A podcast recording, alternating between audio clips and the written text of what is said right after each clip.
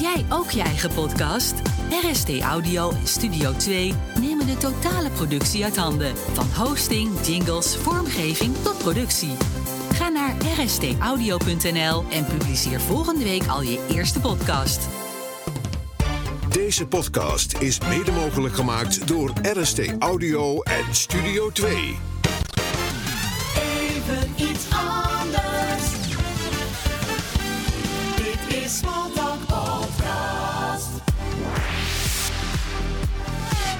Heb jij een vraag voor Smalltalk? Mail naar podcast@smalltalkradio.nl. In de auto, bus of trein, Smalltalk de podcast. Even iets anders. Geen geklets, maar gesprek. Proef de sfeer, telkens weer. Welkom bij een nieuwe editie van Smalltalk. Smalltalk. Benito Mai, uh, coach van uh, Carla Grol. Kan jij haar eens omschrijven als judoka? Carla die is een uh, hele aanvallende judoka. Kan, technisch heel goed, echt, echt kan verschrikkelijk goed judoden. Dit is hem. Ja, dit is hem. Dit is hem. Ippon. Ippon. Die heupworp. Ze zat er zo op te wachten. Timing is everything. Geweldig. Brons. En ze kijkt naar boven. En ze doet het hartje. En dat zal ongetwijfeld richting haar broer zijn, Steven. Die in 2020 uit het leven stapte. Die is voor hem. Jules, dit moet een enorm doffe dreun voor je zijn. Ja. Ja, dat is het. Je bent er zo dichtbij en uh, je bent zo stabiel al de hele dag. En uh,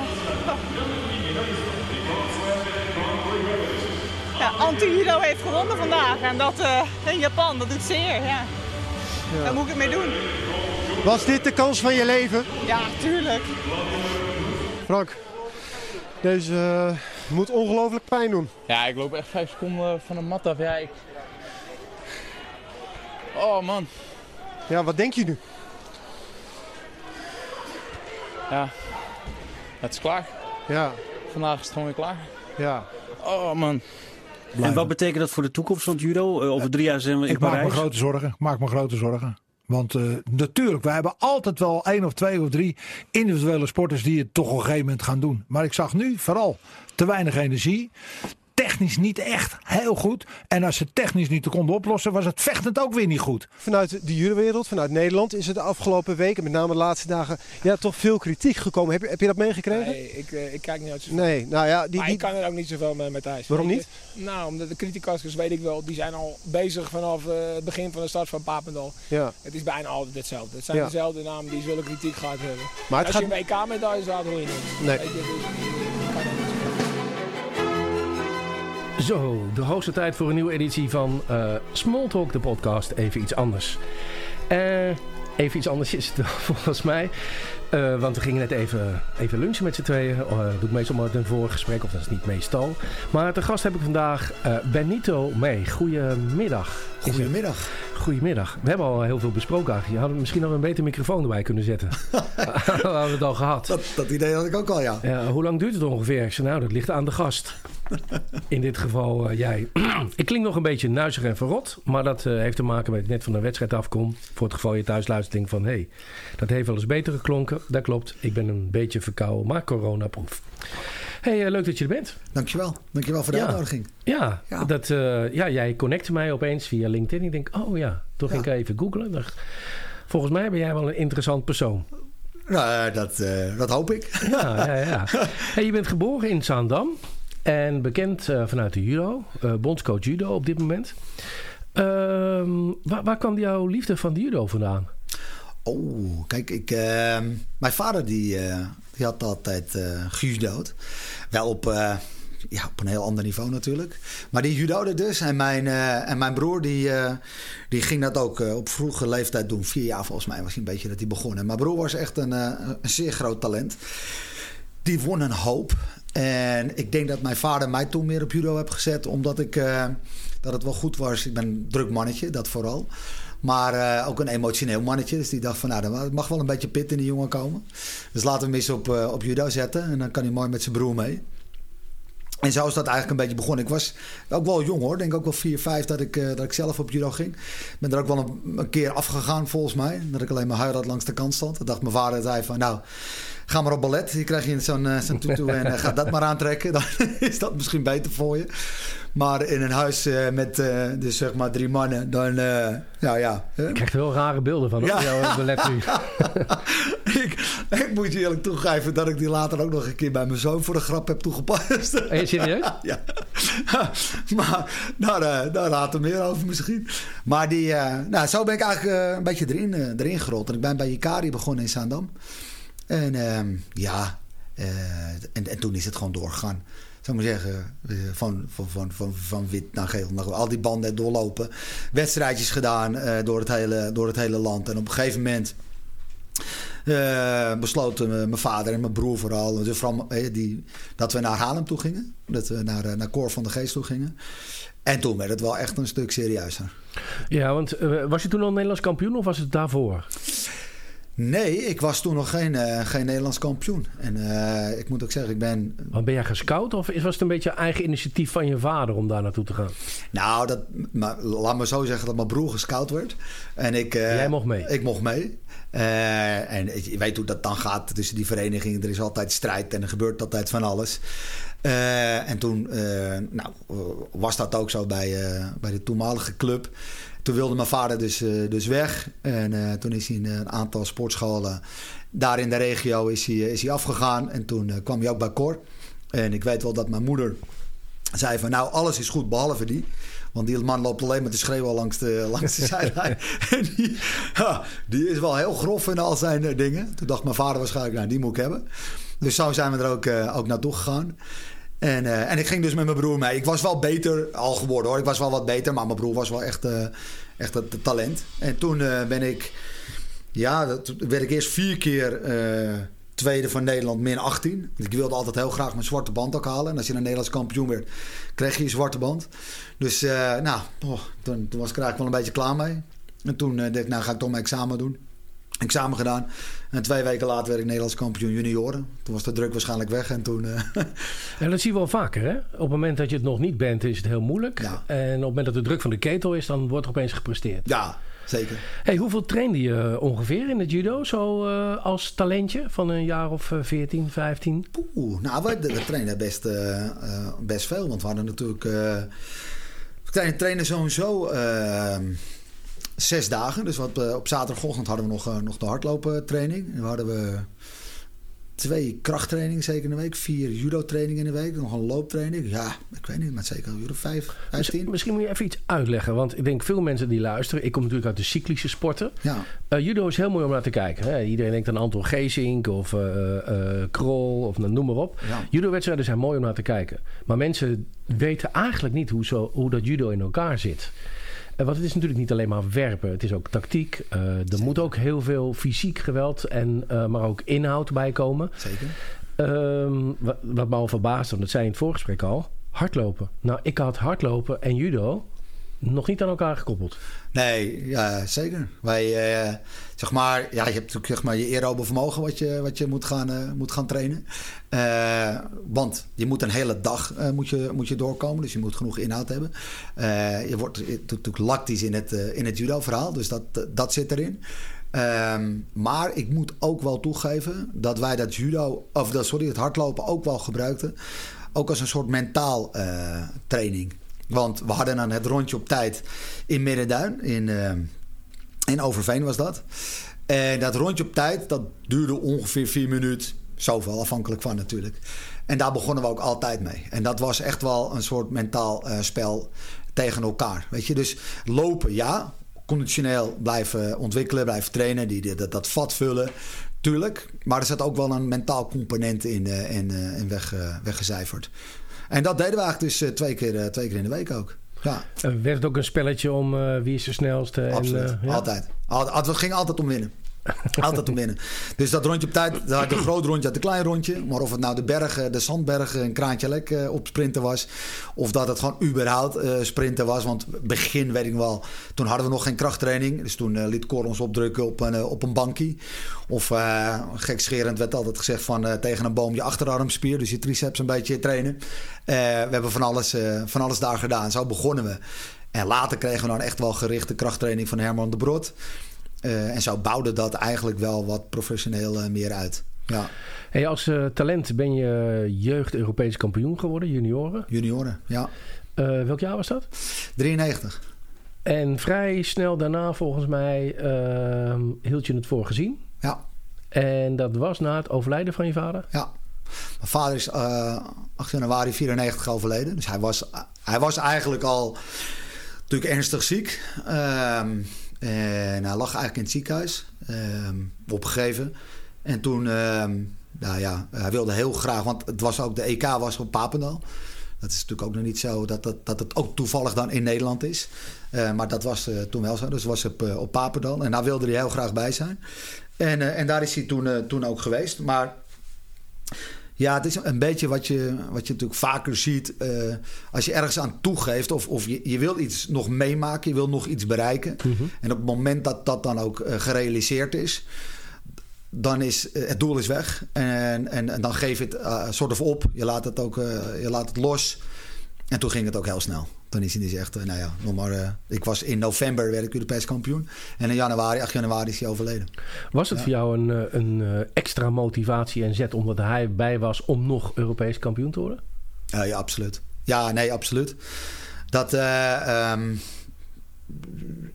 kijk, je vader daar. Kijk, niet veel mensen weten dat natuurlijk. Op het moment dat je daar zo'n EK... er komen natuurlijk allemaal uh, sporters naartoe, ouders, coaches... Uh, om dat EK te draaien. Dus had natuurlijk een stuk... Uh, was beladen voor mij... omdat ik natuurlijk mijn vader daar op de tribune zie, zie zitten met mijn moeder. mijn broer heeft me die dag ongelooflijk goed, goed, goed bijgestaan, geholpen, aangemoedigd. Echt tot ja, het, het, het werd, een, en, en zeker ook in, in de hulp van Cor, want ik heb die weken daarvoor bij Cor in, in het huis gezeten. Om me dus zo goed mogelijk te kunnen voorbereiden en mijn focus wel te houden op. Dat uh, hadden we thuis ook wel besproken.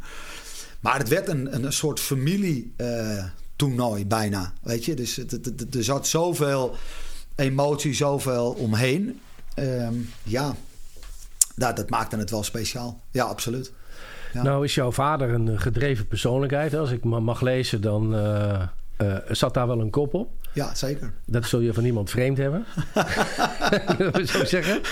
Uh, ja, die gedrevenheid die hij heeft, heeft hij jou wel eens in de weg gezeten? Ah. Dat je dacht van, goh, moet... Hè, dus als we het toch hebben over talentontwikkeling... daar gaan we misschien later nog wel even over hebben. Dan is een ouder natuurlijk altijd heel moeilijk. En zeker als de ouder ook... Mijn zonen zwommen... Uh, en ik heb toch altijd geprobeerd daar heel ver weg te blijven. En ik vond dat verschrikkelijk. Um, als ik gelinkt werd aan mijn kinderen. Dus dat, dat ik daar de coach zou zijn. Of hun zou voortrekken. Of noem, maar op. Uh, ik wilde toch ook op mijn wedstrijd wel heel graag papa zijn. In plaats van coach. Dan heb ik een andere pet op. Ja.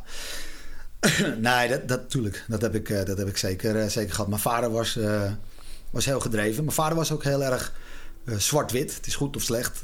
Hè? Dus nou, zo, keek hij, zo keek hij er ook naar. dat was hij ook voor zichzelf trouwens. Ik denk dat het goed is om te weten, want het, kijk, ouders zijn niet altijd. Er zit meestal ook een bepaalde geschiedenis achter waarom ze zo zijn. En mijn vader, die is van huis uit helemaal eigenlijk niet opgevoed door zijn vader. Dus die, die, die was er wel, maar die, liet hem, die interesseerde hem eigenlijk helemaal niet wat, uh, wat hij deed. En de tijden waren natuurlijk ook toen anders. Vader wilde ook wel heel graag sportinstructeur worden, of in ieder geval richting CIO's of dat soort zaken. Dat ging niet, want hij moest gaan werken. Hij moest zijn moeder toen, dus mijn oma, helpen. Dus er zit ook een bepaalde geschiedenis achter waarom mijn vader zich zo vastklampte aan, aan ons. Want hij zou een andere vader zijn zoals hij dat zelf heeft, de, heeft meegemaakt. Um, alleen wat je dan ook wel zal ziet gebeuren is ze slaan door. Weet je, dus uh, in plaats van geen aandacht, zoveel aandacht en, en zo betrokken uh, willen zijn en zo willen sturen dat, dat in dit geval ik als kind zijn eigenlijk af en toe wel eens zeg van... Benauwd, ja. Benauwd. Laat me toch eens gewoon ook... Ja, ook eens even los. Laat me gaan, weet je. Eh, mijn vader was dan ook eh, eh, coach. Dus die ging ook altijd mee naar wedstrijden. Mijn vader was er dus altijd. En... En kijk, je hebt niet, ook wel eens een keertje geen zin. Of, of het gaat ook eens een keertje natuurlijk niet zo goed. Eh, nou, dan was er altijd, zeg maar, gelijk eh, in de auto terug. Werd dat nog eens helemaal, eh, helemaal besproken. Of er werd ook niets gezegd. Ik heb ook weekenden meegemaakt. Ja, dan zeiden we dus, zei hij dus niets meer eh, tegen me. Omdat je een slechte prestatie Omdat hij slechte prestatie had geleverd in zijn, eh, in zijn ogen. En, en, en mijn broer dan wel, bijvoorbeeld. En dan sprak je wel met mijn broer. Vice versa was dat ook hoor. En dan was mijn moeder de rustgevende factor. Dus dat ging dan heel weekend, werd dat dan weer een beetje tot rust gebracht. En dan werd het net een beetje zo op zondagavond voordat we de volgende dag weer naar school eh, gingen. Nou, werd dat dan eh, uitgesproken. En dan, eh, dan ging ik de volgende dag weer soort van opgelucht naar, eh, naar school toe. Eh, dus die, ja, daar, daar heeft mijn vader wel, wel, eh, in de weg gezeten. Dat, dat zijn gedrevenheid, zijn, zijn dat, dat, dat, dat eh, zo impact hebben in, in, in mijn project, in mijn leven daarin. Ja, dat, dat heeft er ook wel voor gezorgd dat ik ook nadat hij kwam te overlijden. Want toen kwam dat allemaal vrij. Hè? Er, ik, er was niet, niemand meer die tegen mij zei dat dat mag je niet doen of dat moet je niet doen of je moet zussen, je moet zo. Opeens was er heel veel vrijheid. Ehm, het, het gezin viel ook een beetje uit elkaar, Ehm, want iedereen had dat. Hè. Ik had dat natuurlijk niet alleen. Dus iedereen ging zijn weg daarin, eh, daarin zoeken. En ehm, ja, toen eh, ben ik er ook gestopt. Ja, want ik kon dat dus even niet, eh, eh, niet meer. Was dat te vroeg voor jou? Als je nu jaren verder kijkt, denk je van nou, ik had, ik had eigenlijk nog wel door moeten gaan, want eh, mijn ambities lagen er wel. Ja, nee, absoluut. Ik, ik, ik heb het ook wel geprobeerd hoor. Het is ook niet abrupt gelijk, gelijk gebeurd. Ik heb het ook echt wel geprobeerd. En misschien ben je dan ook op zoek naar een soort vaderfiguur weer. Hè? Iemand die je dan weer vastpakt en, en, eh, en eh, meeneemt. En misschien eh, verwachtte ik of hoopte ik wel dat Cor dat zou doen. Maar dit, dat is natuurlijk een hele andere rol. Eh, dus dat, het ging ook niet. En je zit ook allemaal dicht tegen Olympische Spelen aan. Dat, de trein dendert gewoon constant, constant door. Dus dan weet je het ook even, even niet meer. Ja, en dan ben je gewoon zoekende. En dan is het goed om je eigen gang te gaan. Eh, zoekende, is dat ook een beetje dat je daarna dacht van nou ja, ik heb gewoon behoefte aan die regelmaat, eh, die douw, die de discipline.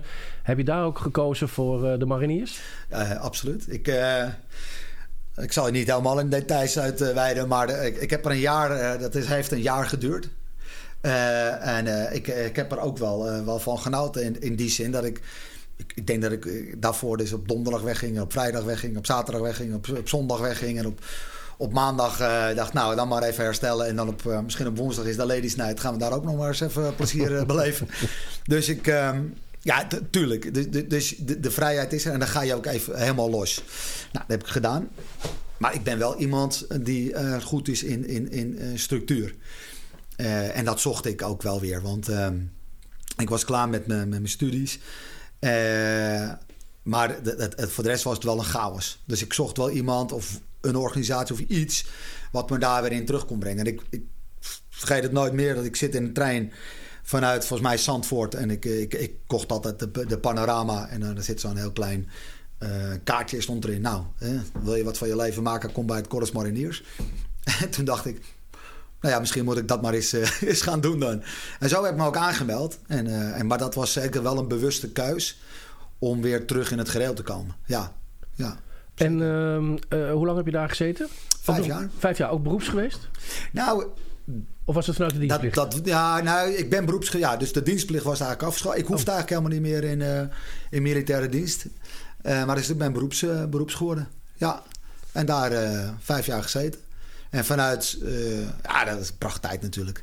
Prachttijd. Ik, Curaçao of Noorwegen? Bij, nou, ik heb Aruba gedaan, is niet uh, Curaçao. Maar ik heb ook in Noorwegen gezeten. Ik heb in Schotland gezeten. Ik heb jungle training gedaan. Eh, ik heb nog wel meer mooie dingen gedaan. Ehm, ja, dat, dat was een, eh, ik vond dat een, een prachttijd. En dat heeft ook echt wel ervoor gezorgd dat ik weer rust vond. En dat ik goed in het gereel kwam te zitten. Weet je, structuur in je lijf en noem het maar op. En toen kwam ik ook wel weer terug. Kwam ik zo bij de militaire ploeg, kwam ik weer terug. Nou, kwam ik allemaal oude jongens als Mark Huizenga, Ben Sonnemans, Patrick Klas, Danny Ebbers in die tijd. Kwam, weet je, allemaal jongens waar ik in mijn eigen judo-carrière ook mee te maken uh, had. En die, die nog steeds op hoog niveau judoden. Zo kwam ik dan weer terug, maar dan als militair toegekoppeld uh, of toegevoegd aan zo'n team. En uh, nou, daar zijn ook nog leuke prestaties mee, mee behaald. En later dan overgestapt naar de, naar de Marseille toe. Ja.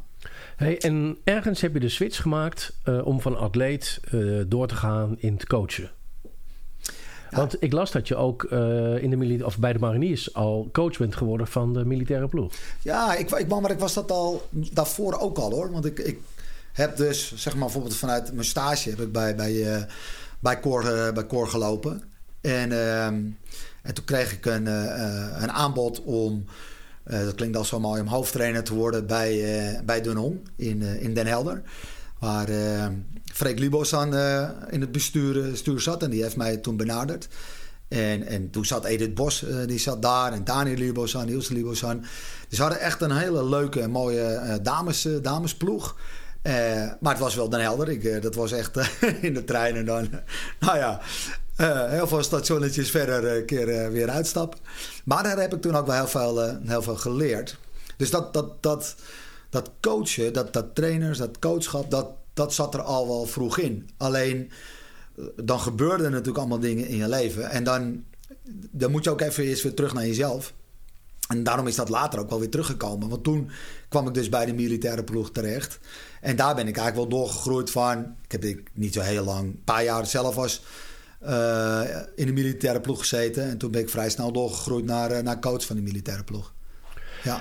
Hey, en als je gaat kijken naar eh, hoe heb jij jezelf ontwikkeld als coach? Ik vind namelijk een goede coach-trainer. Uh, je haalt je papieren. En tegenwoordig denken mensen: ja, ik hou mijn papieren, ik ben trainer-coach. Ja, dag. Weet je, je hebt een paar jaar nodig om te rijpen, vind ik altijd. Zeker. En ervaring op te doen. Hoe heb, jij, hoe heb jij die ervaring gedaan? Hoe zag jouw pad eruit om echt een coach te worden tot waar jij nu staat? Nou ja, kijk, ik, ik geloof heel erg dat je met. Uh het netjes zeggen, maar met je voet in de modder moet, uh, moet gaan staan. En dat je al die fases moet, uh, moet doorlopen. En toen ik natuurlijk terugkwam, ik, ik, ik, uh, ik, zat, ik werkte bij de Marseille. Ik had net met mijn vrouw, dit was toen nog mijn vriendin, hadden we een, een huis gekocht in, in Almere. Ik had het eigenlijk het, vrij goed voor elkaar allemaal, vrij rustig. Toen belde Cor of ik weer ehm, een training wilde gaan, uh, gaan geven. Want ze zochten een, uh, een trainer voor de, voor de donderdagavond. Zo, uh, zoiets was het. En ehm, ik, zal er ook altijd bij zeggen dat mijn vrouw die vervloekt die dag altijd. Want toen ging het weer allemaal los. Maar toen ben ik echt weer begonnen gewoon met, met jeugd. terwijl ik dat in mijn stageperiode had ik dat ook. Toen uh, had ik nog uh, had ik Ruben Aukers uh, onder met, met Ruben en, en, dat soort die groepen. Patrick van Kalken zijn we allemaal naar, naar Bremen en, en dat soort toernooien geweest. Maar ik begon eigenlijk weer opnieuw. Dus ik begon weer met min 15, min 17, door heel Nederland heen te crossen. ondertussen zelf natuurlijk wel mijn, mijn rijbewijs. Dus zaterdag en zondag in, in sporthallen te staan. En, uh, en, en, en ja, wat heb je? 14 matten en maar rennen en vliegen van links naar rechts. Met, uh, met verschillende coaches. En, uh, en daar, daarmee weer het vak, vak gaan, gaan uitoefenen. En dan, dan begint daar gewoon een bepaalde, bepaalde groei natuurlijk te ontstaan. Dus dan, je hebt wel visie. Dus je hebt ook je hebt bepaalde drang. Je hebt bepaalde ambitie. Dus vanuit dat, dat, dat coachen uh, de hoofdjeugdopleiding uh, gaan, uh, gaan realiseren bij Canview. Dus daar meer structuur en sturing aan, aan gegeven. Dan gaan je ook je, je sporters worden beter. Je gaat op een hoger niveau coachen. Dus dan ga je naar jeugd Olympische dagen en jeugd EK's en WK's en dat soort, dat soort zaken. Dat groeit zich door naar, naar de junioren. Dat kon je als club al doen? Dat kon ik als club doen. Dat, ik Normaal gesproken, daar... althans, ik weet uit mijn carrière, dat was eigenlijk al bond. Ja, ik heb daar ook. Kijk, er zijn ook in, som, in je ontwikkeling of in je carrière moet je af en toe ook een beetje de. Ja, noem het de, eh, de, de mazzel hebben. En, en binnen de, het judo was er op dat moment een centrale coachschap. Dus, dus je kon dat, dus als clubcoach, werd je centrale coach van zo'n uh, talent. En als de club die ambitie ook had en die kon dat bekostigen en dan kon je overal mee. Dus ik ging ook overal mee. Edwin Steringa was de bondscoach van, uh, van de junioren, jeugd en junioren. We hebben eigenlijk uh, samen dat wel zo doorlopen. En uh, dus die werd echt betaald door de, door de bond. Maar ik was als centrale coach vanuit KNMU. Ging ik overal mee met, met mijn talenten. Dus ja, het was fantastisch. Dus ik kon ook die groei ook helemaal, ook helemaal doormaken. Ja, nou, als coach kun je natuurlijk ook veel leren. En een internationaal toernooi is wel echt iets anders dan... Ah, absoluut. Absoluut, weet je. En ja, natuurlijk, je stoot je koppen zo verkeer. Maar het is zo goed om... Uh, want jij gaat naar het buitenland. Dat is, op dat moment ben je ook verantwoordelijk natuurlijk voor, voor, voor die sporters en alles wat er omheen heen komt. Uh, je wil terugkomen, je hebt ambitie, je wil, wil winnen. Uh, ja, er gebeurt dan zoveel natuurlijk, weet je. Ja. Hey, als, nou, je bent zo'n hoofdopleidingen binnen zo'n judo-vereniging. En dan kom ik even terug weer op ouders. Ja. Ehm, hoe, hoe, heb je je daarin uh, willen uh, ontwikkelen? Want ja, laten we reëel zijn. En, en talentontwikkeling. Hè? Dus hoe heb jij toen... Ben je bezig geweest met talentontwikkeling? Hoe heb je talenten gezien? Hoe ging je uh, de ouders managen als het ware? Hoe, kon, hoe kon je dat een beetje scheiden en zorgen dat uiteindelijk je die juiste in je team kreeg... waarmee jij die piramide kon vullen naar boven? Ehm, ja, kijk, ik, ik, ja, lastig hè? Ja, nou, ik moet wel, het schiet van alles door mijn hoofd. Maar ik, ik ja, wat zou ik zeggen, ik was er wel een. Um, ik had wel een, een, een, bepaalde uh, visie en wel een bepaalde ambitie. Dus ik wilde echt wel, uh, wel presteren. Ik wilde mensen ook opleiden. Ik wilde ze echt als mensen ook wel beter maken. Weet je? Dus het, het ging niet alleen maar om, uh, om de prestaties. maar ik wilde ze ook wel iets meegeven. Uh, en ik wilde ook wel die strijd met die, ouders, uh, met die ouders aangaan. Dat heeft ook wel te maken met mijn eigen geschiedenis, waar we het net natuurlijk over, uh, over hadden. Dus ik heb ook heel veel gesprekken gevoerd met ouders. Ik heb ze ook wel eens breed, dus groot allemaal in een, in een kantoor of lokaal zeg maar, gezet. En ik heb ook wel eens, ik, ik vind dat zelf legendarisch, het filmpje Volgens mij is van Jeske Vet van uh, de voetbal. Nou ja, de, iedereen, iedereen kent hem waarschijnlijk. Ik, ja, ik, ik, heb hem ook al eens gebruikt. Ja, precies. Dus uh, nou ja, voor degenen die niet, die niet weten waar ik het over heb, maar dat is dan de voetbalvader waarin zijn zoon in de Ajax-opleiding zit en, en, en daar wordt. Wordt voor bedankt. En waar zijn vader dan uitlegt natuurlijk van... Nou, weet je wat papa allemaal voor je gedaan heeft... en waarom ik zoveel geld moet betalen... waar papa en mama uit elkaar zijn. Nou ja, allemaal uh, en, en, en die heb ik wel heel, uh, dus vaak of vaak, maar een aantal keren gebruikt om in ieder geval een soort bewustwording te laten worden bij de ouders, maar ook wel vanuit mijn eigen verhaal uh, verteld. en ik ben ook veel bij, bij ouders thuis ook geweest. om te praten over nou ja, talenten, over, over de dochter of over de zoon. maar, ehm, en ik probeer altijd wel vrij open te zijn. Dus ik probeer ook wel mijn verhaal, dus nogmaals wat ik zelf heb meegemaakt, ook wel aan die uh, talenten te vertellen. Overigens wordt het vaak negatief gezien hè, als je het hierover hebt. Maar het is vaak natuurlijk de passie van de ouder die het beste voor het kind wil. Alleen soms zien ze niet dat die passie en die, dat, die, uh, die passie die zij dragen en willen overbrengen naar hun kind vaak in de weg kan zitten. Nee, maar dat is precies ook wat ik bedoel. Er zit, dus de, ze, ze doen het niet vanuit nature slecht. Dat, dat willen ze helemaal niet. Daar gaat het ook helemaal niet om. Ze, ze, want ze, zijn, ze steken heel veel tijd en heel veel energie. En, en ook geld steken ze erin. En, en, en ze willen ook eigenlijk het beste voor, uh, voor het kind. Alleen uh, soms vergeten ze, zeg maar, die druk die ze daardoor zeg maar, opleggen. Wat, wat het effect daarvoor is naar het, uh, naar het kind of naar het talent, naar, naar het talent toe. Dat, bedoel ik ook aan te geven met mijn eigen vader.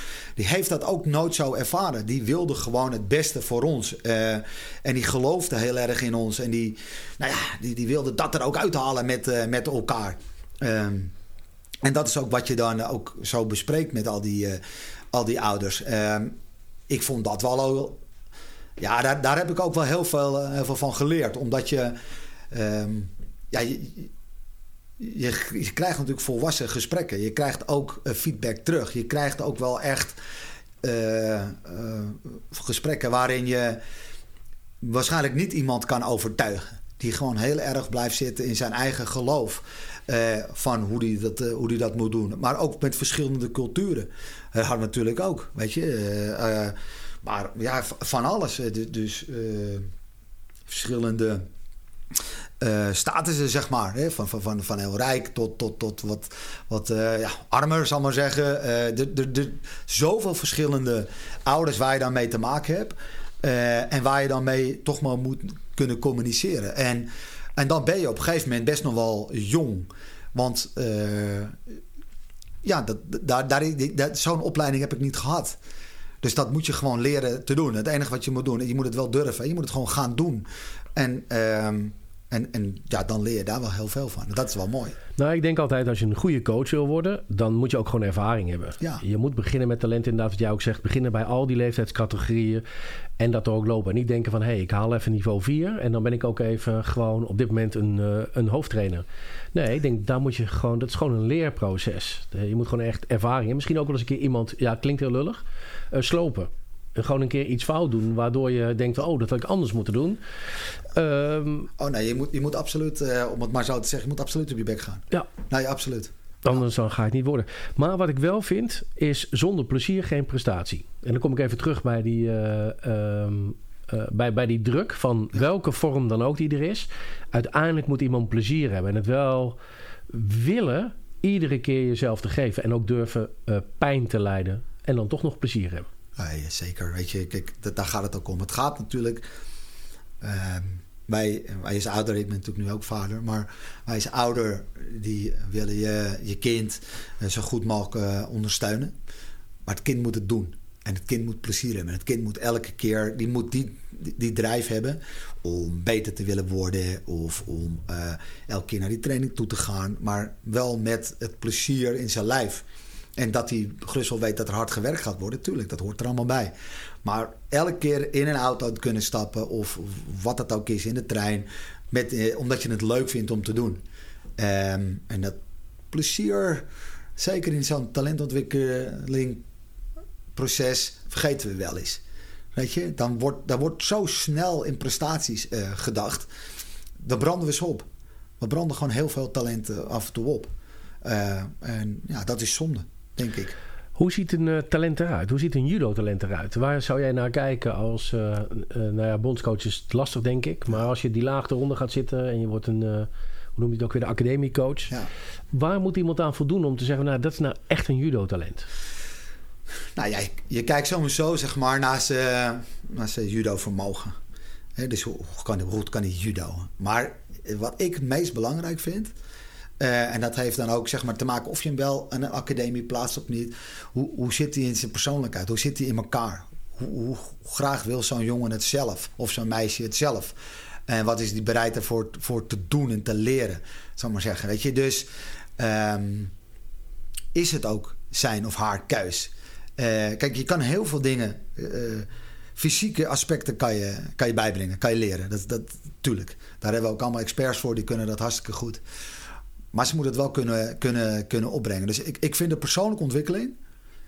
Buiten het feit natuurlijk, je moet wel kunnen judo. Weet je, als je helemaal niet kan judo, dan heeft het ook geen zin. Maar vanuitgaande dat men gewoon kan judo. Maar persoonlijke ontwikkeling vind ik daar nog wel het belangrijkste. Ja, daar zou ik heel erg naar kijken. En soms heb je ook gewoon. Dan is iemand in zijn, bijvoorbeeld in zijn judo kwaliteiten wel eraan toe. Maar dan is hij in zijn persoonlijke ontwikkeling nog niet toe. Laat hem dan nog gewoon rustig even rijpen. Laat hem binnen die uh, structuur waar hij nu zit, in een club met ouders, gewoon waar hij woont, in school. En noem, laat het daar dan nog even rijpen. Dan komt het vanzelf wel. Weet je? Dus uh, daar zou ik wel heel erg naar kijken. Haal ze allemaal niet te vroeg. Nee. Ben jij voorstander van uh, centrale programma's? Dus mensen uit hun habitat trekken naar bijvoorbeeld uh, Heerenveen, uh, want daar wordt getraind. Uh, Haarlem, Rotterdam zaten jullie ook nog volgens mij. Ja. of denk je nee, laat ze maar thuis zitten en naar Heerenveen rijden... of naar Rotterdam rijden of naar Haarlem rijden... voordat ze intern gaan? Of kunnen ze alleen maar intern bij jullie op dit moment op Papendal? Ehm, nou ja, de, de zitten allemaal intern. Ja, natuurlijk, want ze komen ook door heel Nederland komen ze daar naartoe. En... Ehm, en zit ze intern. Nou, het is eigenlijk een beetje wat ik net ook probeer, uit te leggen. Uh, ik ben. Uh, ik heb zelf in de afgelopen vijf jaar uh, gemerkt dat het centrale programma daar.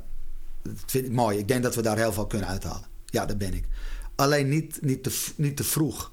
ik geloof, en we hebben de clubs en alles heel hard nodig. Hè, dat, in de ontwikkeling en de doorstroom. We hebben daar ook de, de, de nieuwe trainers komen daar vandaan. Dus ik, ik, ik ben heel erg voor een goed weggezet nationaal uh, opleidingstraject met elkaar. En laat ook die variatie in clubs uh, plaatsvinden. Maak er niet allemaal eenheidsworsten van dat het allemaal zo moet. Uh, er zijn verschillende clubs die verschillende successen geboekt hebben. Allemaal vanuit hun eigen idee en visie. Dus hartstikke mooi. En laat ze daarna, want dat is dan wel, want je wil wel de beste met elkaar laten trainen. Daar zijn we te klein voor om dat allemaal maar verspreid weg te zetten. Laat ze daar dan op een gegeven moment naartoe komen om te trainen. Maar je kan ook gewoon één of twee keer naar Papendal toe komen om een nationale training te doen. En voor de rest alles op je club uh, te doen. Ik, ik geloof heel erg in een bepaalde opbouw. Ontwikkel je in een club, weer dat je in die structuur. Dan ga je één keer naar Papendal zoals je vroeger de nationale training had. Of je gaat eerst misschien met 18 een soort trainingsweekend doen. Daarna groei je door naar junior. Ga je één keer komen trainen. Dan kom je twee keer een keer op Papendal trainen. Je gaat eens een keer met uh, de Papendal selectie mee. Ik zou veel meer een, een wat uh, stabielere opbouw uh, wegzetten. Um, tuurlijk, de, dat krijgen we ook wel eens te horen van... Ja, dat is ook goed voor ontwikkeling. Zet ze daar maar neer. Dan moeten ze voor zichzelf leren zorgen. En dat is goed. Dan, dan, dan, kweek je mentaliteit mee. En, en dan gebeurt er van alles met zo'n... ja, dat is, dat is zo. Maar er gaan er ook heel veel kapot. En kijk nou gewoon eens aan degene die daar aan toe is. En dat kan, gekscherend, kan iemand van 16 zou dat kunnen. Maar iemand van 19 zou het ook niet kunnen. Weet je, ik bedoel meer, kijk gewoon naar het talent. Of hij eraan toe is om die stap te maken. En als hij er nog niet aan toe is, laat hem dan gewoon rustig doorontwikkelen daar waar hij zit. Klaar, dan komt het vanzelf wel. We hoeven, als we de topjudoka's echt ja, 27, 28. Dus wij, wij als sport hebben echt wel de tijd. Zolang we daar maar een rustige opbouw met elkaar doen en weten wat, waar we mee bezig zijn. Nou, dan denk ik dat het, daar, uh, dat het wel goed moet komen. Nu ben je bondscoach uh, uh, mannen bij, bij de judo. gaat het in de talentontwikkeling nu zoals jij wil? Of heb jij een ander beeld? Zou het echt nog wel beter kunnen?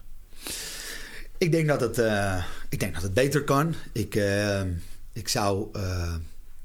kijk, we hebben nu... Het zijn een beetje eilandjes.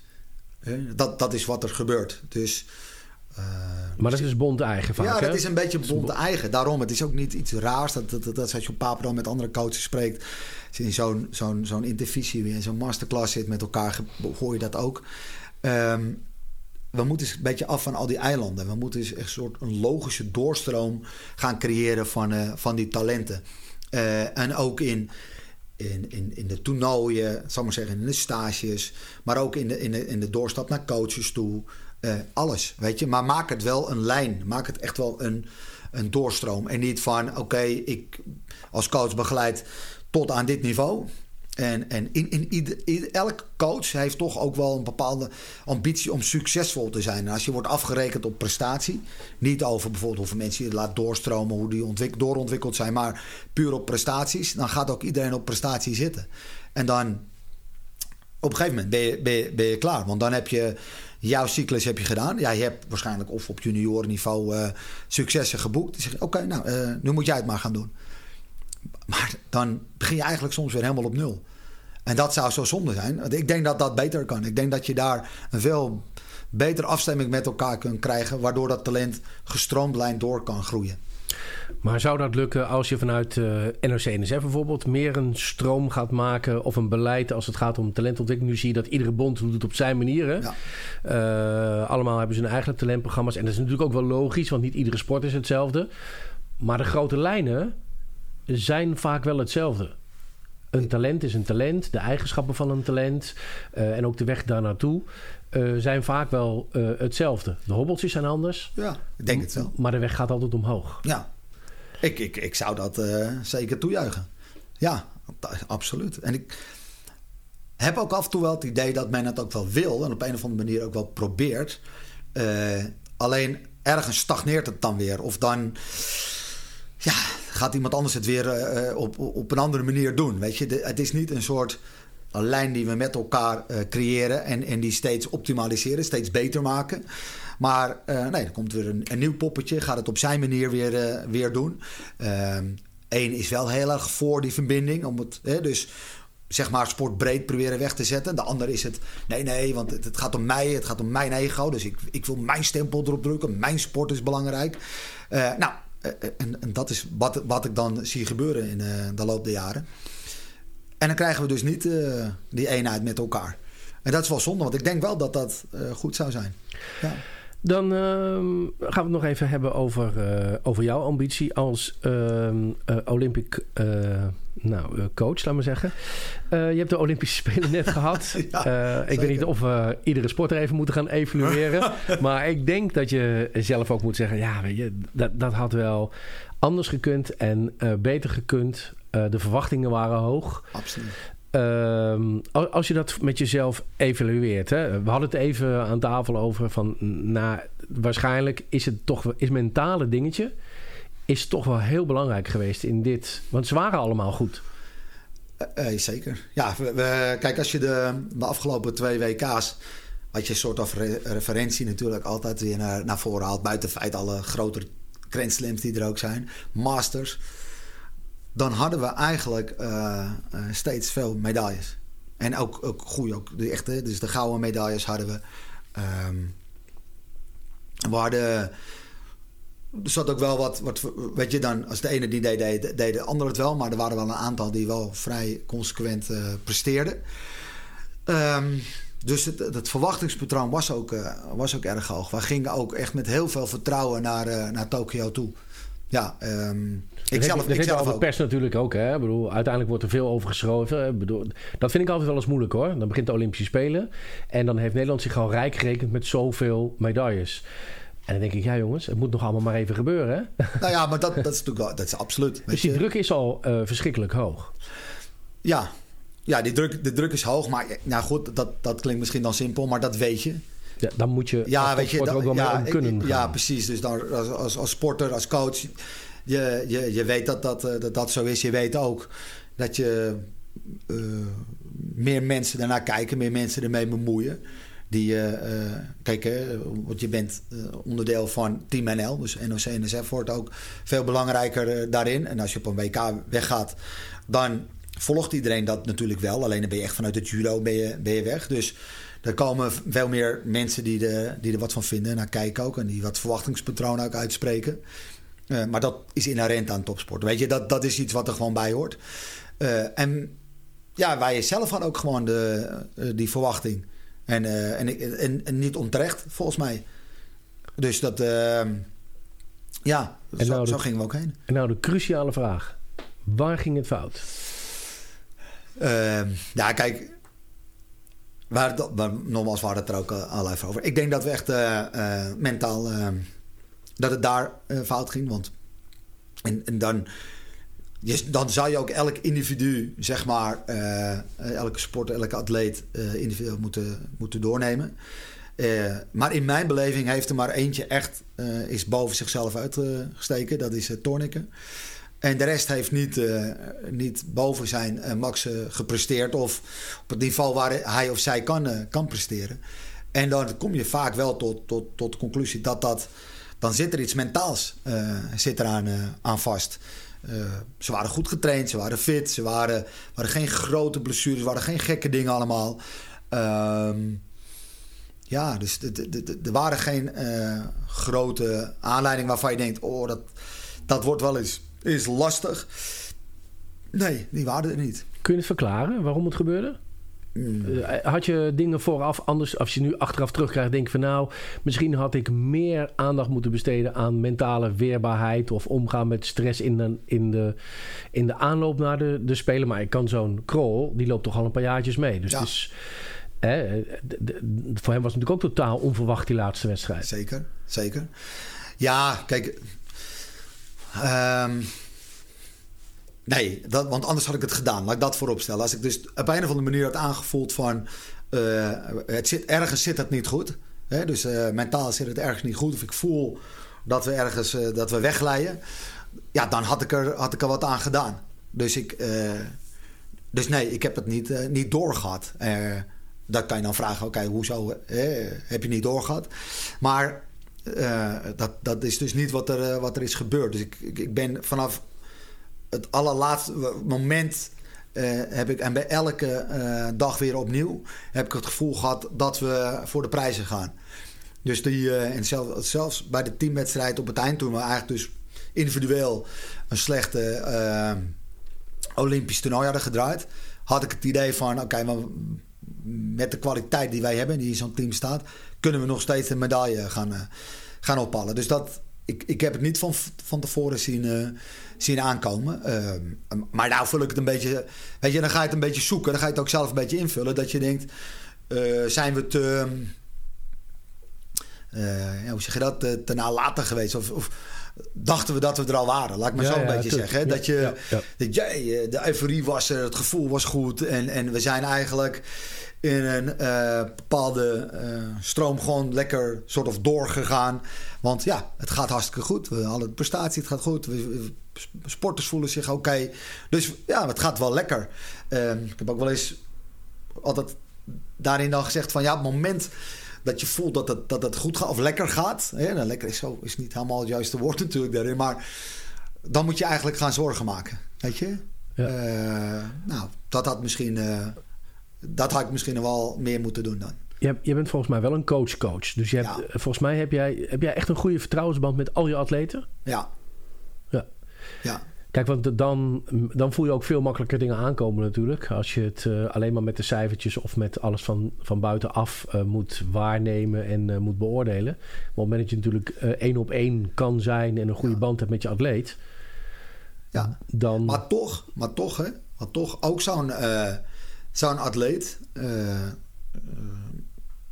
stopt het dan weg. Weet je, dat, dat ook. Kijk, het is dus niet. Je hebt, je hebt echt wel die. Dus het kan echt gezegd worden. Alleen atleten ook. Een, proberen dat dan toch weg te drukken. Nee, het is er niet. Of ik, eh, wat je doet precies hetzelfde. wat je al die andere toernooien ook gedaan hebt. Precies hetzelfde. Het- het maakt ook niet uit dat bakje koffie aan toe, of de, de voor of de na, of, of, of het gesprek, of, of het, nou ja, de wandeling, of, of alles. Eigenlijk alles is, het, is hetzelfde. Alleen de accommodatie is dan natuurlijk anders, de locatie, sorry, maar alles wat je doet is zo ingeslepen. Je doet dat allemaal het, het, het, hetzelfde. Alleen, ja, eh, waarschijnlijk eh, is het dan op het moment. Zo heb ik het zelf wel eens om, omschreven. We zijn ehm, in alle toernooien die we daarvoor hebben gedaan, zijn we bezig geweest in het proces. Zijn we bezig geweest om eh, te leren, eh, te evalueren en weer eh, door te gaan. Met het idee om het optimaal te hebben op, op te spelen. En op te spelen, dan is het einde van het proces of zo. Dan moet het, daar moet het allemaal, allemaal kloppend zijn. Ja, misschien is dat, eh, dat het geweest. Maar dan ga ik het ook een beetje zoeken. Hè, Ja, van ja wat- blijft toch lastig natuurlijk. Ja, precies. Of waren de anderen gewoon opeens veel beter? Dat kan ook, hè? Ik bedoel, je kunt eh, alles eh, top in de top. Maar ja, als je alle wedstrijden daarvoor al goed bezig bent geweest... het kan natuurlijk zijn dat anderen anders periodiseren... alleen ik niet weet hoe je dat in judo doet. Nee, ik, dat, kijk, er waren zeker atleten top, hè, zal maar zeggen, van andere landen ook. Ehm, maar ik denk, eh, waar wij van hebben verloren, dat, dat waren niet, die waren die dag niet top of zo. Weet je, dat je denkt, ja, ja, ja deze was echt fantastisch. Ja, dat, dit, is, ja, dit is dan judo en die, alles liep ook op die dag met, eh, voor de jongen. Eh, elk moment was mooi, weet je, dit is klaar. Maar dat had ik niet bij de, bij de jongens waar wij van, van verloren. Die, Had je al, heb je al, de Olympische Spelen zijn al heel even voorbij... heb je al in je hoofd dingen zitten van... nou, dat had ik wel eh, anders kunnen doen? Ik, ik kom net van het EK of EK-teams. En de, nou, daar heb ik ook wel één of twee dingen na. Die had ik echt wel even anders kunnen doen. Meestal ben ik er al wel snel vrij achter hoor. Ik bedoel, dan zie ik toch al... hmm, hier heb ik wel een dingetje in het proces laten liggen. nee, dat heb ik, nee, niet. nee, dat heb ik eigenlijk niet. Ehm, ja, kijk, dan, dan kom je, zeg maar, als je dat mentale aspect neemt, van oké, dat is wel een, dus een aandachtspunt. Daar moeten we wel, daar moeten we wel iets mee nu. En, dat, en dat doen we ook. Daar zijn we ook echt wel mee, mee bezig. Ehm, maar ik heb echt op, op het moment eh, voor de Spelen, eh, na de Spelen toe, heb ik dat echt niet, eh, niet gehad. Nee. Met de kennis die we nu hebben, dingen die gebeurd zijn, denk ik, oké, daar ligt eh, wel winst. Dus daar moeten we in de aankomende jaren daar moeten we wel iets mee gaan doen. En dat is dan ook wat je doet. Dus je, je, je leert wel de lessen ervan. Maar nogmaals, eh, nee, ik heb het niet voor de Spelen zo gevoeld. We gaan het even hebben over eh, Benito persoonlijk. Eh, en wel de plaat en zijn verhaal. Het is tijd voor het leukste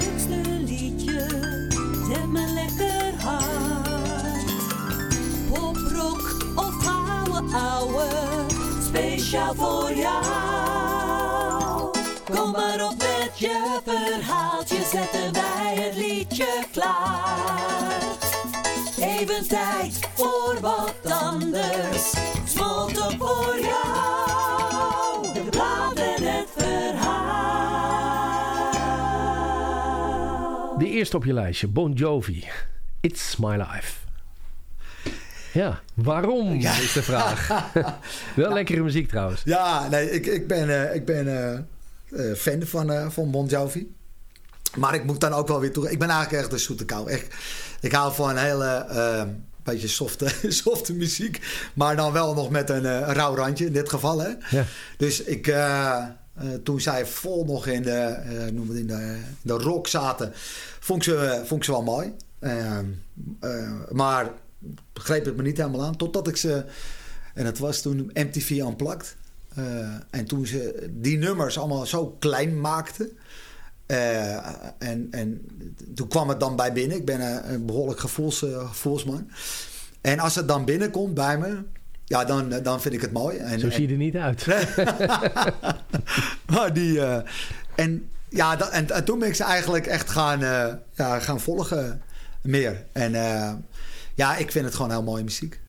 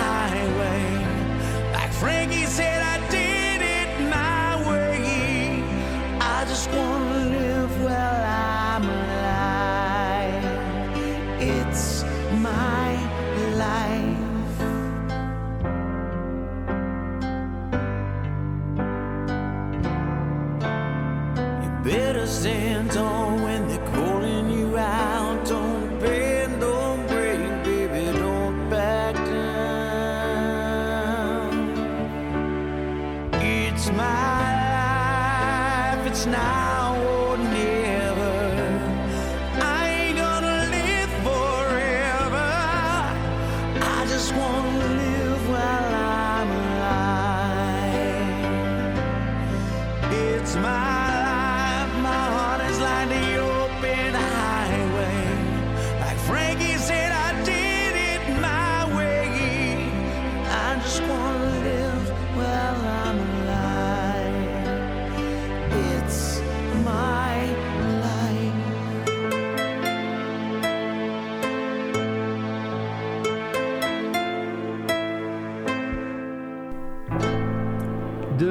Tweede op jouw lijstje.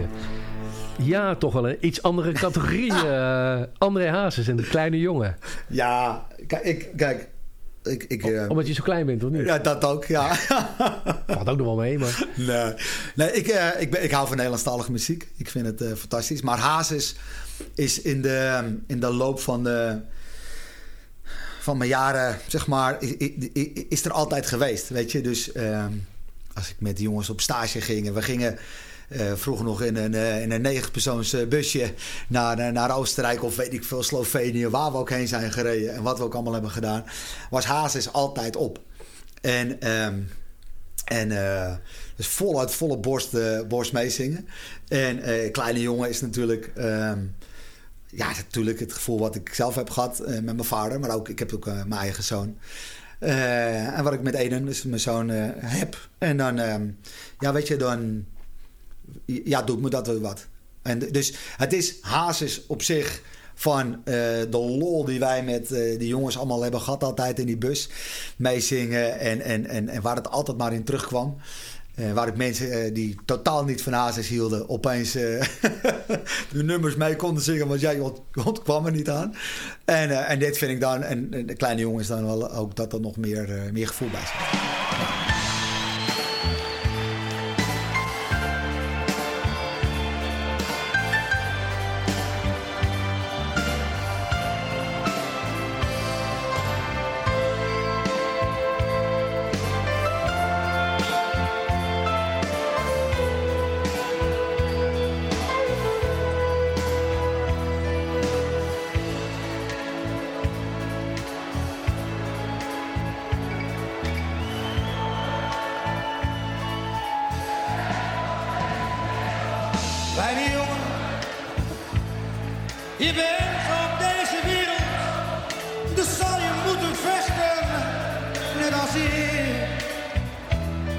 Kan het weten,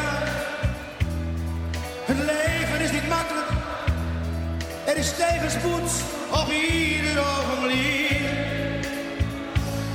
Kleine jongen, er zijn veel goede mensen. Maar slechte zijn er ook, helaas niet waar. Je moet maar denken dat jij straks gaat beseffen dat eerlijk het langste duurt, geloof me maar.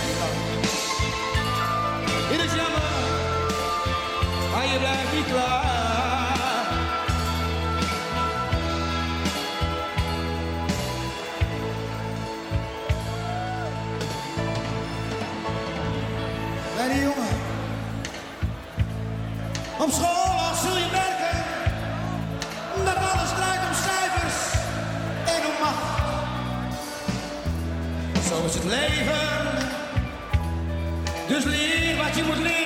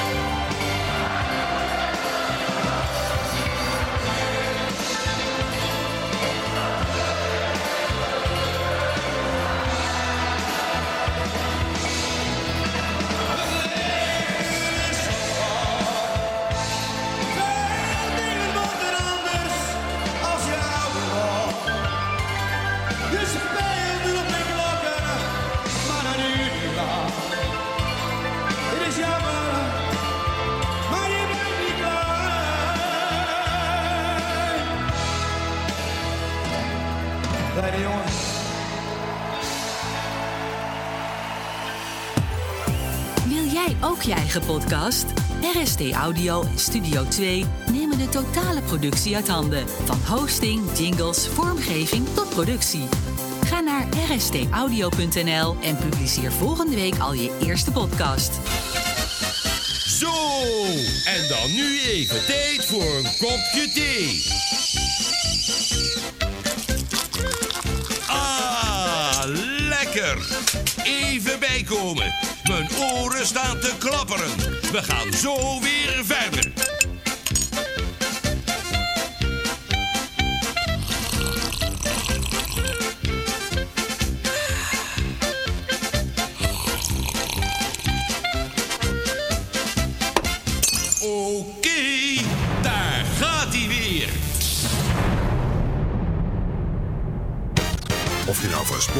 Innovatie, humor of nieuws houdt, Smalltalk. Even iets anders. Dit is Smalltalk Podcast. En de laatste op het lijstje van eh, Benito May is Aerosmith and I Don't Want to Miss a Thing. ja, ehm, die komt weer wat dichter bij uh, Komt je wat dichterbij, keuze. eh, ja, absoluut. En eh, ja, ik, ik, ik weet niet of iedereen het hebt, maar eh, dit is eh, het nummer wat, eh, wat mijn vrouw en ik eh, ehm, heel mooi vinden en, en elkaar, eh, elkaar hebben gevonden. En die, eh, nogmaals, hè, dus ik, ik, ik, ik vind heel veel muziek vind ik leuk. Alleen, het, sommige hebben bepaalde betekenis. Die, die, die, die, die hebben wat losgemaakt. Die wil, ja, er is wat bij gebeurd. Er zitten bepaalde herinneringen aan. En ehm, ja, en dit is ons nummer. Dus dat vond ik dat hij er ook in moest. Omdat, ehm, ja, mijn vrouw is natuurlijk een heel eh, belangrijk eh, onderdeel van, eh, van mijn leven. En ik vond gewoon dat dat nummer van ons erin moest zitten. Ja. I could stay awake just to hear you breathing. Watch you smile while you are sleeping, while you're far away dreaming. I could spend my life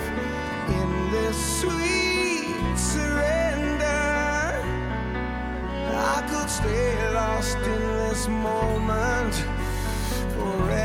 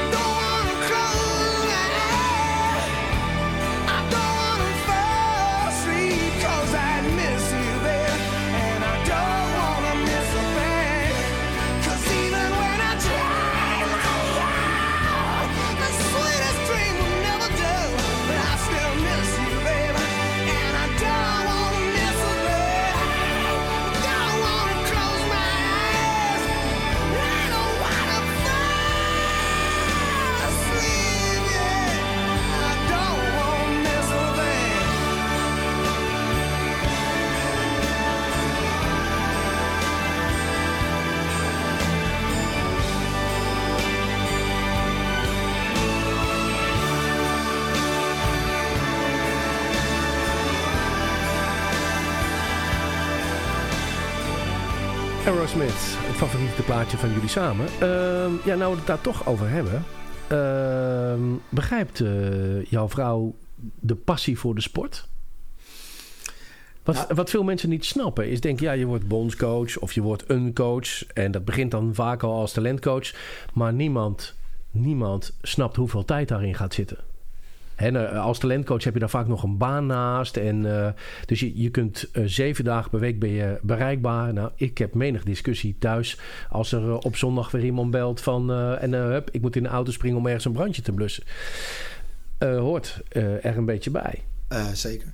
Nee, mijn vrouw is daar echt wel in, ehm, eh, in, hoe zeg je dat, in opgegroeid. Of, nee, niet in opgegroeid. Dat, dat heeft ze moeten leren, zal maar zeggen. Dus eh, met, een, eh, met een coach eh, samen zijn. Dat snapt ze eigenlijk helemaal niet. Nee. ehm, zoals je ook zegt, ik, ik, ik, ik werkte op een gegeven moment part-time nog bij de Marseille. En part-time dan als talentcoach. Zo is, zo is dat ook doorgegroeid. En toen zei ze altijd tegen me van... Marseille is mijn werk. En, en talentcoach hobby. Dus, eh, maar je hobby wordt wel steeds groter. Wel steeds, eh, weet je, je bent wel steeds meer voor je hobby weg. Dus dat, dat, dat hobby, dat, bleef maar een beetje, eh, een beetje hangen. Totdat ik dan fulltime als, als coach aan de slag kon. Toen werd het natuurlijk wel werk. Maar mijn vrouw heeft mij ook... We hebben ook wel menig discussie daar wel over gehad hoor. Dat ik weer naar, naar sporters toe ging om daarmee te praten. Ik heb ook wel gehad dat ik op de bank zat thuis. En dat ik gebeld werd, ook door, door ouders. En die dan eh, zeiden, Benita, ik wil toch even met je praten. Ik zeg, nou, dat, natuurlijk altijd, geen probleem. Ik, eh, ik heb, morgen kan ik wel even langskomen. Of, of van het weekend misschien is dat beter. Nou, ik vind het toch fijn als je nu even komt. En, en, dan, eh, en dan heb je gewoon heb je twee keuzes. Je kan zeggen ja, kan je zeggen nee. En, en, maar voor mij is altijd de afweging: oké, wat, ehm, wat win ik, wat verlies ik ermee? Wat, wat, wat, wat gebeurt daar nou mee naar de relatie die ik heb met het talent, waarin die ouders ook nog heel erg belangrijk zijn? Eh, en noem maar op. En is het, eh, is het die afweging waard? Eh, en ik ben menig keer ook gewoon dus gegaan. Ik zeg, schat, moet even weg. Ik moet even daar en daarheen. Want die, die willen even met me, met me praten. Ik zeg, nou, jezus, weet je hoe laat het nu is? We hebben net gegeten. Ik, ik vind het ook wel fijn als je even op de bank blijft zitten. Ja, maar ik ga toch even weg. Ehm, dus, en waar we het ook wel eens eh, over gehad hebben... is dat je ja, zeg maar 24-7 bereikbaar bent. Het, het, het is niet zeg maar de, de trainingen die je alleen maar in dit geval op de mat of eromheen allemaal doet. Eh, er gebeuren zoveel ook in het leven van die, eh, van die, van die atleten. En waar jij dan een onderdeel ook van bent, omdat het invloed heeft of kan hebben zeg maar, op, op het project wat je, wat je met elkaar doet. En, eh, en dus bellen ze ook op, op de meest gekke, gekke tijden. Eh, vragen ze ook de, me- de meest gekke dingen op de meest gekke tijden. Ehm, nou, oké. Eh, en, dat, en dat gebeurt. En dat is niet altijd, niet altijd uit te leggen. Eh, en daar moet je dus ook... Dat moet je leren. Eh, en wij hebben daar wel vaak eh, ook wel discussies over, eh, over gehad. En... ehm, Is er wel begrip voor? Of? ja, nee, absoluut. Want ik, ik, zonder, zonder haar had ik dit helemaal niet kunnen doen. Hè? Dus zonder mijn vrouw die, eh, en de steun daarvan eh, had ik dit eh, helemaal niet, eh, niet kunnen doen. We hebben drie kinderen. Als, als mijn vrouw niet de speel van, van het gezin is, dan, weet je, dan had je ook überhaupt nooit aan kinderen moeten gaan, gaan beginnen. Dus ik mag mijn blote knieën bedanken dat ik, dat ik er ben tegengekomen en dat zij mij die ruimte heeft gegeven. Maar Het- niet altijd snappend, eh, zal, maar, eh, zal maar zeggen. Weet je? Want een baan is toch eigenlijk gewoon iets wat je van, van, van 8 tot 4, eh, vier doet. Nou, dat zit hier niet in. Ik heb mij ook wel eens. Hey, in- die loop van de jaren dan doe je al masterclasses of intervisies of noem het maar op. En volgens mij was het Joop Alberda. Kan ook Toon Gerbrands geweest zijn. Maar die legde dat ook uit. En die zei toen wel eens van ja, wij thuis hebben wij wel eens over gehad. En zei ja, dit is gewoon hoe wij het doen. Zo werkt het bij ons. En, en toen kwam ik eh, terug bij mijn vrouw. Ik zeg, nou, ik heb van een topcoach eh een divisie gehad. En die vertelde ook over de relatie dan met, eh, met zijn vrouw. En dat ze tot de conclusie kwamen. Oké, ja, zo werkt dat nou eenmaal bij ons. Zo doen we het. Dus ik dacht, nou, daar ben ik er vanaf. Want nou snap ik het wel. Eh. Maar zo, Nee, zo het makkelijk, niet. zo makkelijk ging het dus, Nee, nee. dus niet. Ehm, maar ja, ze loopt nu al zo lang mee met me. En eh, ja, dat begrijpt ze natuurlijk ondertussen wel. Ja. Denk je dat als je naar de rol van een coach gaat kijken in het algemeen, dat eh, de buitenwereld ziet nou, eigenlijk maar heel weinig van eh, de coach? Hè? Uiteindelijk, iemand krijgt een gouden medaille. Nou, het zwemmen Pieter van de Hogeband, Inge de Bruin. Maar niemand weet hoeveel mensen er zich allemaal hebben mee moeten bemoeien. In de, vind je dat dat onderbelicht is? Maar dat, de, de prestatie die wordt, die wordt Ja, de prestatie van een coach. Kijk, eh, uiteindelijk als eh, Henk, daar hadden we het even aan tafel over. Als Henk toch goud of zilver had gewonnen. ehm, eh, Ja, in dit geval Maarten, en natuurlijk Ja. Maarten was de coach. Ja, maar. Dat, tuurlijk, dat, dan is het de prestatie van Henk. Maar dan is het natuurlijk ook de, de verdienst, de prestatie ook van Maarten in, eh, in dit verhaal. En dat is hetzelfde die je hebt met, eh, eh, met, als met Frank of met Tonic of met eh, het Mike Jesper eh, zeg maar, werk. Ehm, ja, ja, die wordt wel eens onder, onderbelicht. Ook niet altijd helemaal, helemaal begrepen. nou, ik vind ook wel, hè, op het moment dat het fout gaat, staan ze met de camera bovenop je. Ja, maar dat hoort ook. Maar de, de andere kant, ze staan eerder met de camera bovenop je als het niet goed gaat. Dan, eh, dan als, het, eh, als de prestatie geleverd is, zal ik maar zeggen. En ik, ik vind dat zelf altijd heel fijn. eh, wat, nogmaals, ik, ik ben ook een hele emotionele coach. Dus iemand die me een beetje kent en me wel eens langs de mat heb zien staan. Of op een stoel heb zien zitten. Ik, eh, dat, daar zit ik eigenlijk nooit rustig. Dus ik, zit er ook helemaal, eh, helemaal in. Maar ik, ik vind het wel het mooiste. dat Als de prestatie geleverd is, dat ik rustig achterover ergens, eh, niet in een stil hoekje, maar gewoon op afstand ervan kan, kan genieten. Ehm, maar het is wel zo dat het ook wel eens mooi zou zijn. En, en, daarin meer erkenning. En dat je. ehm, dat het van die mensen die ook dicht bij die sport staan. Dat ook wel eens eh, aan je zeggen of meegeven. Of, of laten blijken. Of eh, zoiets, weet je. Dus eh, kijk, nogmaals. Vertelde ik ook dat als ik natuurlijk wegga vanuit huis en ik, ik pak mijn koffer, mijn oranje koffer, en, en de buurvrouw ziet me gaan. Die dan zegt: Oké, ga je weer? En nou, wat leuk, waar ga je heen? Ik zeg: Nou ja, trainingstage in Japan voor twee weken. Oh, nou, wat fantastisch. Ja, leuk. leuke Nou, vakantie. Ik had ook wel eens naar Japan gewild. Ja, en, weet je, zo ja. Dan, en dan snap ik, ja, denk ik, ja, dat, dat, ik begrijp dat, dat je dat zegt.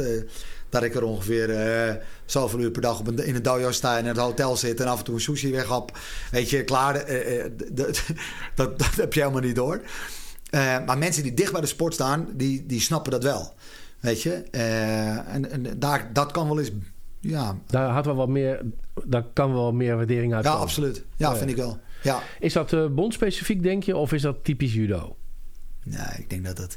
Als ik andere coaches spreek, is dat ook zo. Ik denk dat dat bondspecifiek. dat- Ja, Oh ja, sportspecifiek. Sp- sportspecifiek. Of eh, sorry, eh, globaal. Ja, precies. Ja, Ja, nee, absoluut. Dat, dat denk ik. Ja. Ik, dat is, het, het wordt een beetje af en toe voor. eh, maar je, weet je, die heb ik ook wel eens gehad. Maar je, je wordt er toch voor betaald? Dat heb ik heel vaak gehad. Ik zeg, ja, ja, tuurlijk word ik er, word ik ervoor betaald. Ik zeg maar. en, en, en er zit geen tijdslimiet zeg maar, aan, aan je vak. Hè? Maar ik, ik word betaald voor 38 uur of zo. Nou ja, als je elke coach hoeft je maar te vragen op niveau. Dat, daar gaat veel, veel meer tijd eh, in zitten. Inherent aan, aan je vak, hè, dat vind je ook hartstikke leuk. Dus daar, daar hoor je me ook niet over. Maar dan moet je ook niet aankomen met dit soort... eh, maar je wordt ervoor betaald. Weet je, dat is dan ook een beetje gek. Nou, iedereen vindt het natuurlijk wel leuk in zijn werk. Hè? Wij schrijven hier software, maar op het moment dat Robert, eh, mijn compagnon, roept... Nou, dat heb je mooi gedaan, ziet er goed uit. Nou, dat vind ik toch leuker. Dat, dat, dat doet je wel wat. Tuurlijk, iedereen vindt het toch leuk. Ja, of we hebben een project gedaan en hebben we met z'n allen goed afgerond. Daar worden we wel blij van. Ja. Maar dan is het ook leuk als eh, de mensen die het voor het zeggen hebben... daar wat van zeggen. Ja, absoluut. Ja, nee, absoluut. Hey, ehm, als je gaat kijken naar ehm, eh, eh, Papendal. jij hebt geprobeerd daar een nieuwe judocultuur neer te zetten. Ik las ook dat in eerste instantie jij de overdracht hebt gedaan van de vereniging naar Papendal. En dat dat niet helemaal ging naar je zin. Dus dat de cultuur van de vereniging nog eigenlijk ook op Papendal bleef hangen. Ja, ja. Dus dat, dat je daar alsnog losse groepjes had in de plaats van een, een team. Ja, zeker. Is dat nu beter al? Gaat het nu al na eh, die jaren? Heb je al meer de cultuur die jij daar wil hebben? Of Nou, die is zeker, zeker veranderd. Ja, nee, absoluut. Daar, eh, daar zijn we vijf jaar lang eh, hard mee bezig geweest eh, eh, met elkaar. Kijk, je moet het zo een beetje zien dat eh, de top van, van Nederland en, en, en de top is echt wel wat breder dan echt de absolute top, zal ik maar zeggen. Die, die kwam, kwamen 60 eh, atleten kwamen naar, naar, naar Papendal toe. Allemaal vanuit verschillende clubs. Of verschillende regio's ook, hè, dus eh, talentencentra's. We hadden er altijd al vier. Hè, dus Haarlem, Eindhoven, Rotterdam en Heerenveen. En elk talentencentrum heeft daar ook zijn eigen cultuur natuurlijk. Dus dan kom je daar naartoe. Eh daar zaten echt wel een aantal mensen ook vanuit het, eh, uit het, uit het Haarlemse. Eh, daar kwamen ook heel veel sporters eh, van, vandaan. Eh, dan word je natuurlijk snel dat ook die cultuur gaat plaatsvinden. Maar die is anders dan in Heerenveen. Die is anders dan in, in, dan in Rotterdam. En iedereen ging daar toch wel zich aan vastklampen. En wilde ook heel graag dat, dat beschermen, dat behouden. Want dat is bekend. Ehm, en zo ontstond eh, die groepjes eh, allemaal. En dat hebben we wel echt moeten, moeten doorbreken en met elkaar. En daar hebben we van alles aan, eh, aan geprobeerd en gedaan. En eh, ook daarin ons kop gestoten. Maar ehm, uiteindelijk is ik vind dat dat wel gelukt is. Ik vind wel dat er nu een, ehm, een Papendal. eh, kijk, cultuur kan je nog niet noemen. Dat, dat heeft jaren nodig. Dat, dat creëer je niet in één keer. Maar de, de verschillende eh, culturen vanuit die regio, dat is wel weg. Dus dat is wel allemaal eh, ja, klaar. Ben jij een teamcoach? Kun, je, kun jij gewoon van een, een groep individuen echt een team maken? Teambuilding? Ik vind het belangrijk in mijn triathlon nu. Hè, dat, eh, eh, we hadden op een gegeven moment zat er eh, wel eh, mensen in die wat individualistisch waren. En nu hebben we met z'n allen besproken, jongens, er komt één iemand in. We gaan kijken of ze in de groep past. Maar dat vinden we belangrijker dan de uiteindelijke prestatie. Niet dat we dat slechter vinden, maar we vinden wel, eh, iemand moet wel inpassen. eh, want anders dan belemmert het ons de trainingen. Hè, dus eh, uiteindelijk is dat voor ons belangrijk om plezier te hebben. Ehm, ja. Ja, dat kan, ja, volgens mij wel. Dat kan ik wel. Ik kijk wel heel erg naar het individu. Ehm, maar ik haal ook wel de, de kracht uit het team. Dus ik, ik probeer... Ik ben geen eenheidsvorst. Dus ik probeer elk atleet, elk individu waar ik mee werk... eh, dus ook zo te begeleiden. Dus de ene heeft iets anders nodig dan de ander. En eh, experts, wat het overlapt elkaar natuurlijk wel. Maar ik probeer echt wel te kijken... wat kan ik doen om deze atleet eh, beter te maken. Maar het moet wel passen ook in het team. Het moet wel passen in de groep waar ik, waar ik mee werk. Eh, ik ben natuurlijk militair ook. En, en dat was natuurlijk iets wat, wat je bij Defensie natuurlijk heel erg leerde. Om eh, wildvreemde jongens in dit geval, die over, eh, door heel Nederland opeens bij elkaar kwamen. Om daar een soort eenheid mee te smeden. Omdat je een soort gemeenschappelijk doel hebt.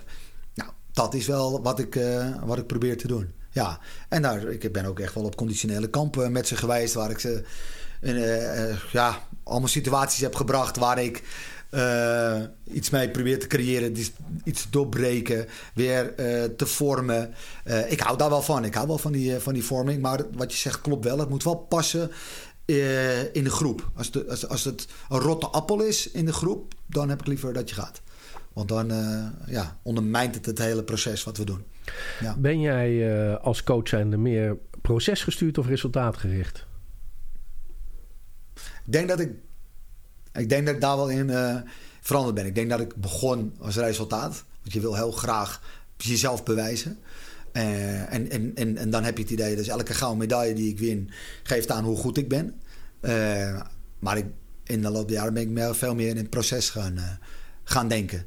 Dus welke constant in ontwikkeling, ontwikkeling, ont- Wat kunnen we nog beter doen? Wat kunnen we, het gevolg moet de medaille zijn of de, de titel of noem het maar op, de plaatsing of whatever. Eh, maar het proces moet daar naartoe leiden. Dus we moeten constant in het proces bekijken waar, we, waar winst ligt en wat kunnen we beter doen. En wie kunnen we daar nog bij betrekken? Of nou ja, waar kunnen we dat, wat, dat, dat ophalen? Ja.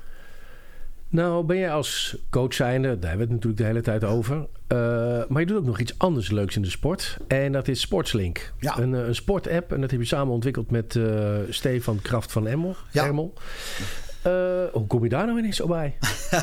nou, dat is, dit, dit is wel heel, leuk verhaal. Ik, Steve en ik die, die kennen elkaar al een, al een, al een tijdje. En ehm, ik, ik, het, het is- ik ging een opleiding doen, eventjes kort. En eh, daar zocht ik een, eh, een coach bij. En ik kende Steve al een tijd. eh, maar ik zocht een coach die, die, ehm, die ik weet die, die, die oprecht is, maar ook, ook hard kan zijn. Maar, en waar ik niet een, een te goede band mee heb. hebt, zeg maar, die, die dan, waar alles goed Een beetje is. tegen, tegengas Ja, ik moet echt een beetje tegengas Ja. hebben, precies. Ik moet er wel eentje zo hebben. Dus ik bel hem, eh, ik bel hem op. En, eh, en toen was hij net eh, zijn eigen bedrijf eh, Comeback Sports begonnen.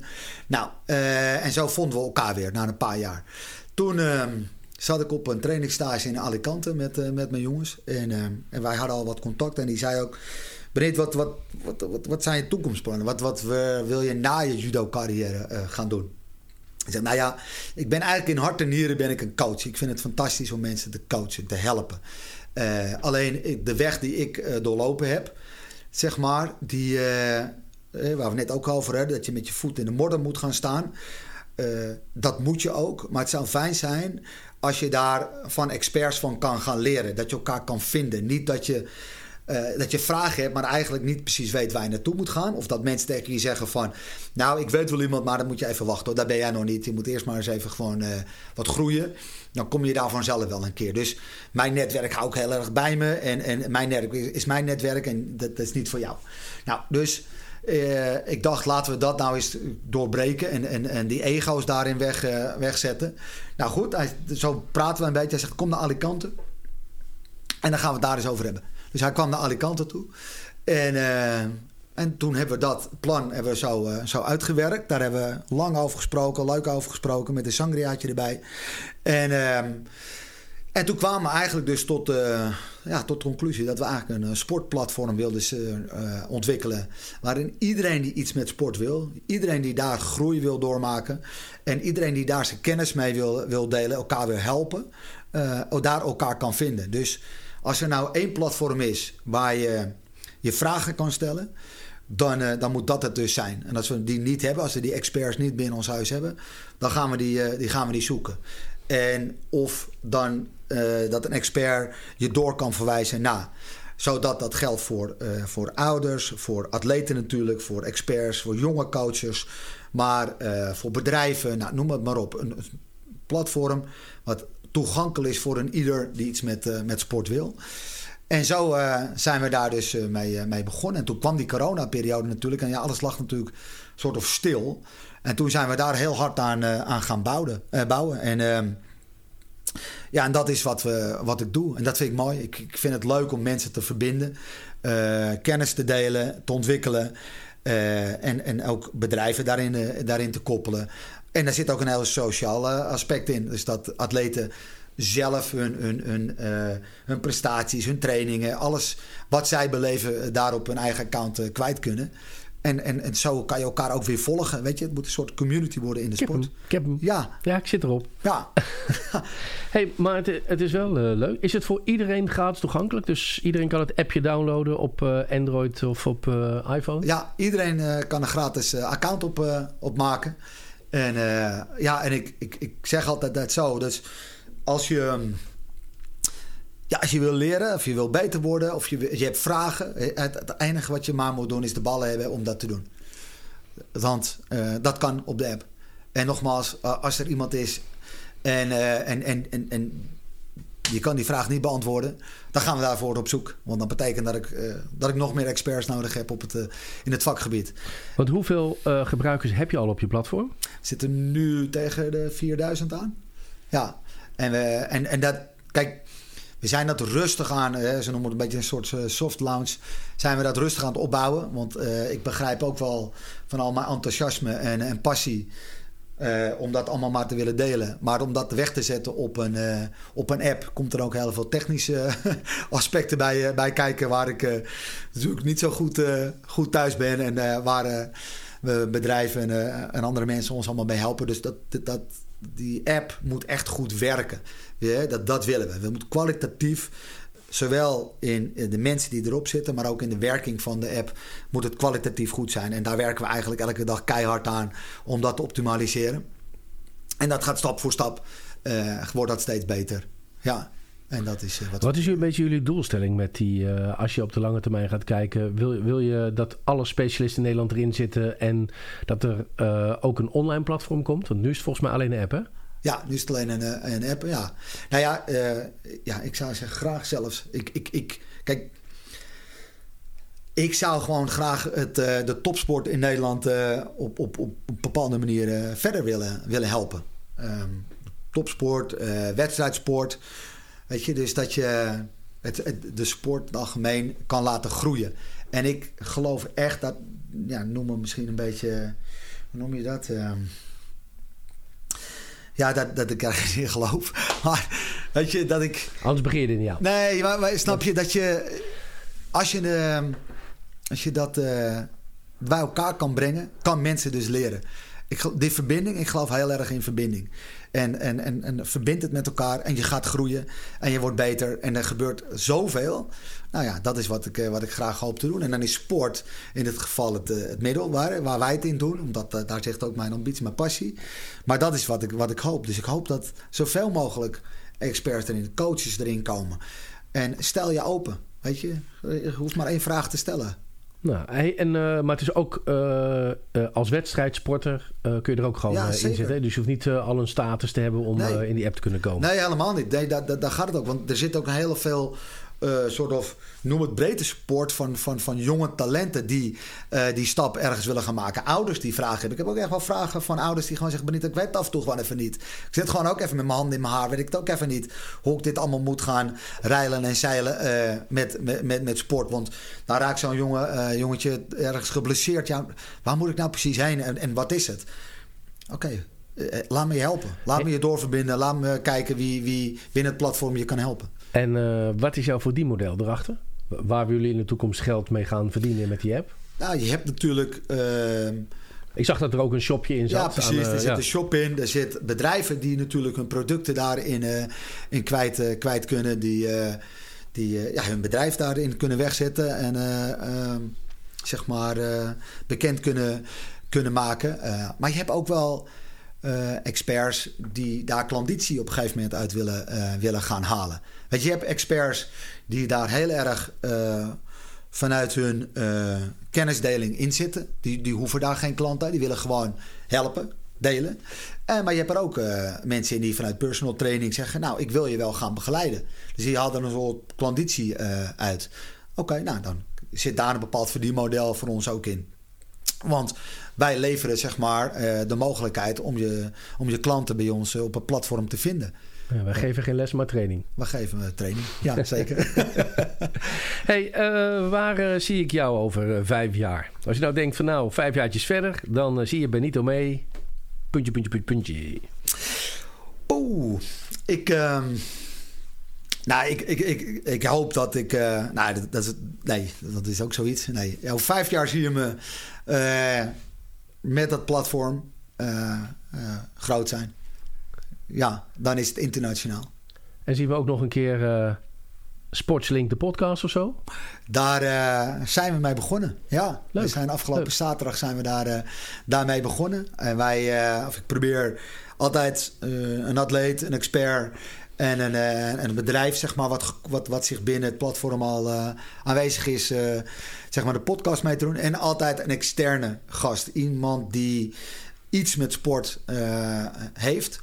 Ehm, eh, of de wetten van de sport heeft eh, doorontwikkeld naar het, eh, naar het ondernemerschap.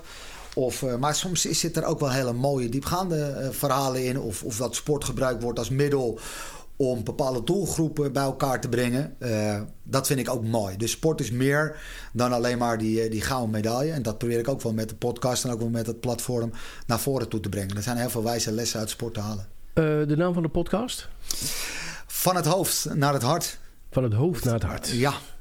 Ik zeg, we gaan hem even erbij quoten. En eh, moet je zeker even naar luisteren. Hey, was leuk dat je er was. Dankjewel. Heel En, leuk eh, om hier te zijn. Ja, graag eh, tot de volgende keer. Dankjewel.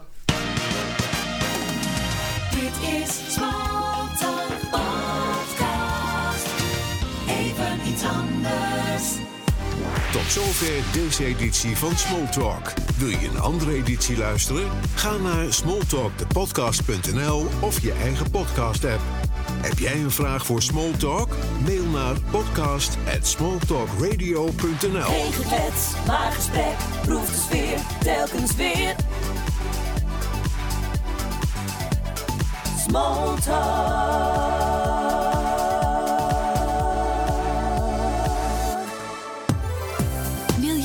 je eigen podcast? RST Audio en Studio 2 nemen de totale productie uit handen. Van hosting, jingles, vormgeving tot productie. Ga naar rstaudio.nl en publiceer volgende week al je eerste podcast.